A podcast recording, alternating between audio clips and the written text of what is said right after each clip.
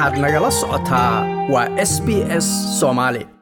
dowladda new south wales ayaa taageero dhan shan boqol iyo kow iyo konton milyan oo dollar oo dhinaca guryaha ah siin doonta dhibanayaashii daadadku saameeyeen. Premier dominic peratoy ayaa arrintan sheegay mar uu ka hadlayay aag ka mid ah aagaga lismore ee ay daadadku waxyeeleeyeen. Mr peratoy ayaa sheegay in dhibanayaashii ku barakacay daadadka ay dowladda new south wales siinayso mudnaanta koowaad Today, um, we are announcing a package that will support approximately 25,000 um, households. Um, um, maanta waxaanu ku dhawaaqaynaa lacag kaalmayn doonta $551 ilaa shan iyo labaatan kun oo qoys. Waa shan boqol iyo kow iyo konton milyan 16 oo um, oo rental guryeynta loogu talagalay um, lacagtan waxaa ka mid ah lacag ay dadka u baahanay kiro iskaga bixinayaan lix iyo toban toddobaad. waanu ognahay in ay weli dad badani ku jiraan goobaha yaga daadguraynta sidii aan hore u idhina dad badan ayaa weli ku jira hooy ku meel gaadha ayuu yidhi lacagtaas ayaa waxaa iska kaashan doona dowladda federaalka iyo tan new south wales guddiga baadhidda iyo xaqiiqa raadinta loo saaray ee disability royal commission ayaa caddeeyey in aanay ahayn in ereyga kerar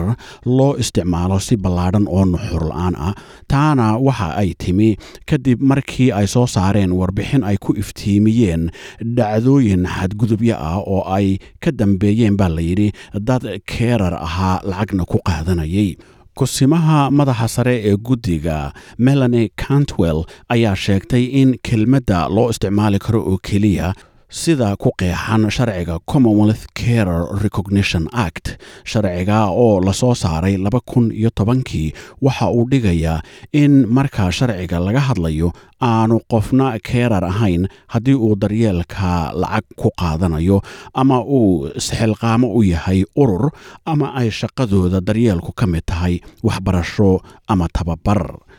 miss cantwell waxay intaa ku dartay in ay doorashada federaalka ee soo socota ay muhiim tahay in dadka naafada ah mudnaadna koowaad loo siiyo taageero bulsho oo xoogan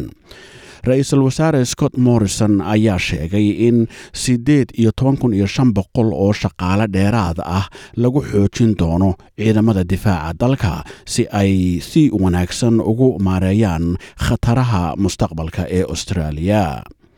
dowladda ayaa daha ka qaaday qorshaheeda ah in ay ilaa boqolkiiba soddon ku kordhin doonto shaqaalaha difaaca joogtada ah ka hor sannadka ka taas oo ka jawaabaysa hubaantila'aanta caalamiga ah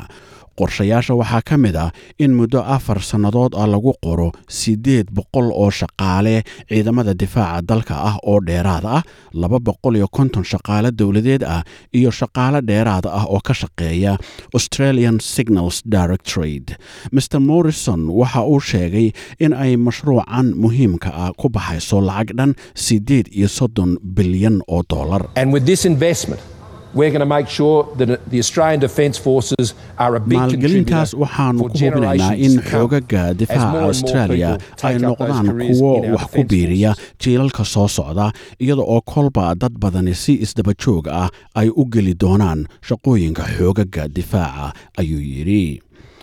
antony albanisi ayaa si kulul u weeraray sida dowladdu u maaraysay qandaraaskii gujisyada ee ocus isaga oo ku tilmaamay masiibadii ugu weyneed ee soo martay australia. Hogaamiyaha mucaaradka federaalka ayaa hadal ka jeediyey madasha lowin institute iyada oo ujeedkiisu uu ahaa in uu sharaxo sida uu xisbiga leybarku u maarayn lahaa ammaanka qaranka. Waxa uu master albanisi sheegay in aanu khilaafka ocus aanu dhaawicin oo keliya xidhiidhka faransiiska iyo australia laakiin uu wiiqay awoodda difaaca ee australia. Master albanisi waxa uu intaa ku sii daray in haddii uu leybarku waa xisbigiisa uu ku guulaysto doorashada soo socota ee federaalka ay sii wadi doonaan qandaraaskan hadda taagan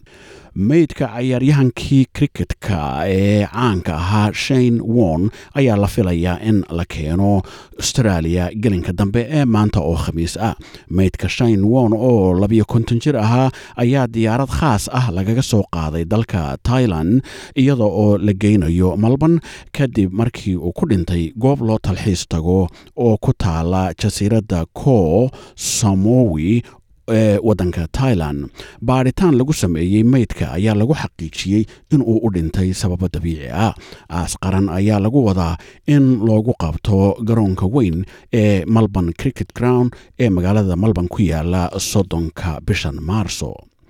khubarada ku xeel dheer ayaa baabuurleyda australia uga digay inay fishaan qiimaha shidaalka oo si aan hore loo arag kor ugu kaca. Dagaalka ka dhex socda ruushka iyo ukrain ayaa cuna iyo cunaqabataymaha kale ee la xidhiidha ayaa durbo sababay in qiimaha shidaalku kor u kaco.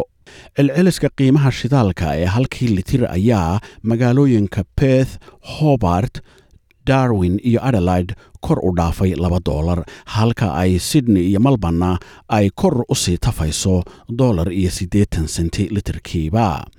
vivak dar oo ah nin khabiir ku ah badeecooyinka ayaa sheegay in saamaynta uu dagaalka ruushka iyo ukrain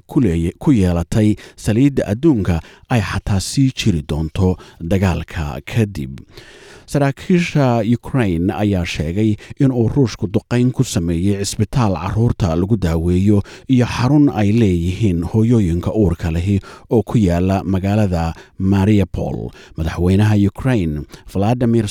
zelenski ayaa ku tilmaamay duqayntaas mid arxandarro ah oo uu dhismuhu ku dumay carruur badan. Saraakiisha ruushka ayaa dhinacooda ka beeniyey in ay beegsanayaan dad shiciba waxayse aqbaleen in xabad joojin la sameeyo maalinka arbacada oo waddanka ugu beegan tobanka maarso si dhaawaca loo daadgureeyo dadka ku dhaawacmay weerarka ayaa tiradooda lagu qiyaasay toddoba iyo toban qof kuwaas oo ay ku jireen haween foolanayay madaxa hay'adda caafimaadka ee adduunka w h o tedros adenom gabreyasus ayaa xaqiijiyey siddeed iyo toban weerar oo loo geystay xarumo caafimaad muddadii uu dagaalku socday These attacks deprive whole communities of health care. More than 2 million people have left weeraradani waxay dhammaan bulshooyinka ka hor joogsanayaan 11 countries to daryeelka caafimaadka in ka badan laba milyan oo of qof ayaa ka baxday children. hay'adda w h o-na waxa ay waddamada deriska la ah ka taageeraysaa in ay daryeel caafimaad siiyaan qaxoontiga oo badankoodu yahay haween iyo carruur ayuu yidhi saadaasha hawada berito oo jimcahana waxaa la saadaalinayaa in ay saadaasha hawada noqoto sidan soo socota. Beth kulayl aad ah iyo qayb ahaan daruur soddon iyo sagaal digri adelaide inta badan qorax toddobiyo labaatan digri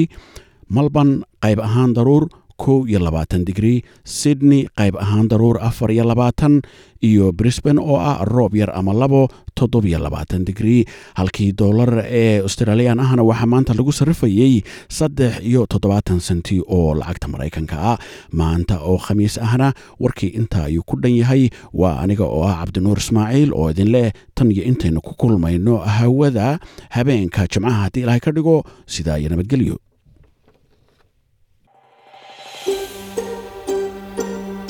ma doonaysaa sheekooyinkan oo kale ka dhegayso apple podcast google podcast spotify ama meel kasta oo aad podcastigaaga ka hesho